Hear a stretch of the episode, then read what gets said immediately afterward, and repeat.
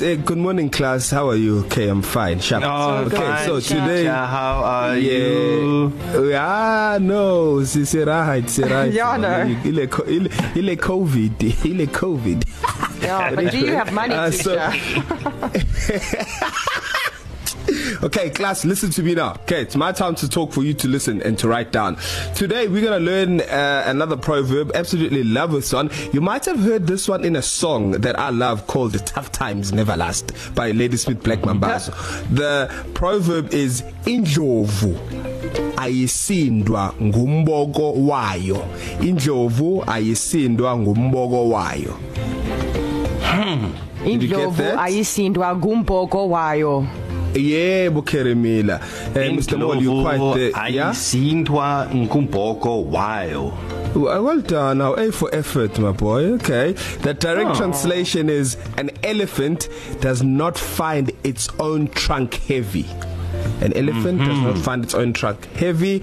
The meaning of the mm -hmm. proverb, you can handle anything and everything thrown at you. that's the meaning of the project Aww, ah, so indlovu nice. ayisinda komboko wayo yeah so i was saying about that song ladies we play kubambaza is like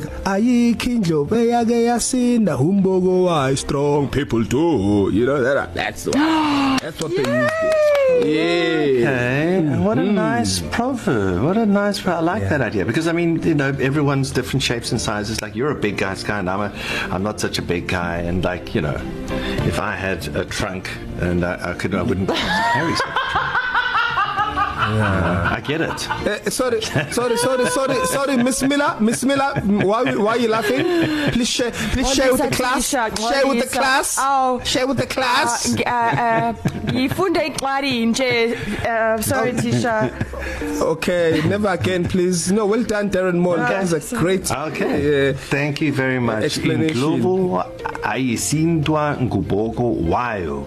Ngumboko yes. wayo. Okay. You can handle. Thank you, teachers. Through. Shabalala. Exactly. Thank you. So thank this, you. Mr. Uh, th- this episode or this class of Columinati is available on our podcast along with all the other Columinati podcasts. So now you have no excuse. You can speak fluent isiZulu wherever you go. You just look for Darren Kerry and Sky's blog on ecr.co.za.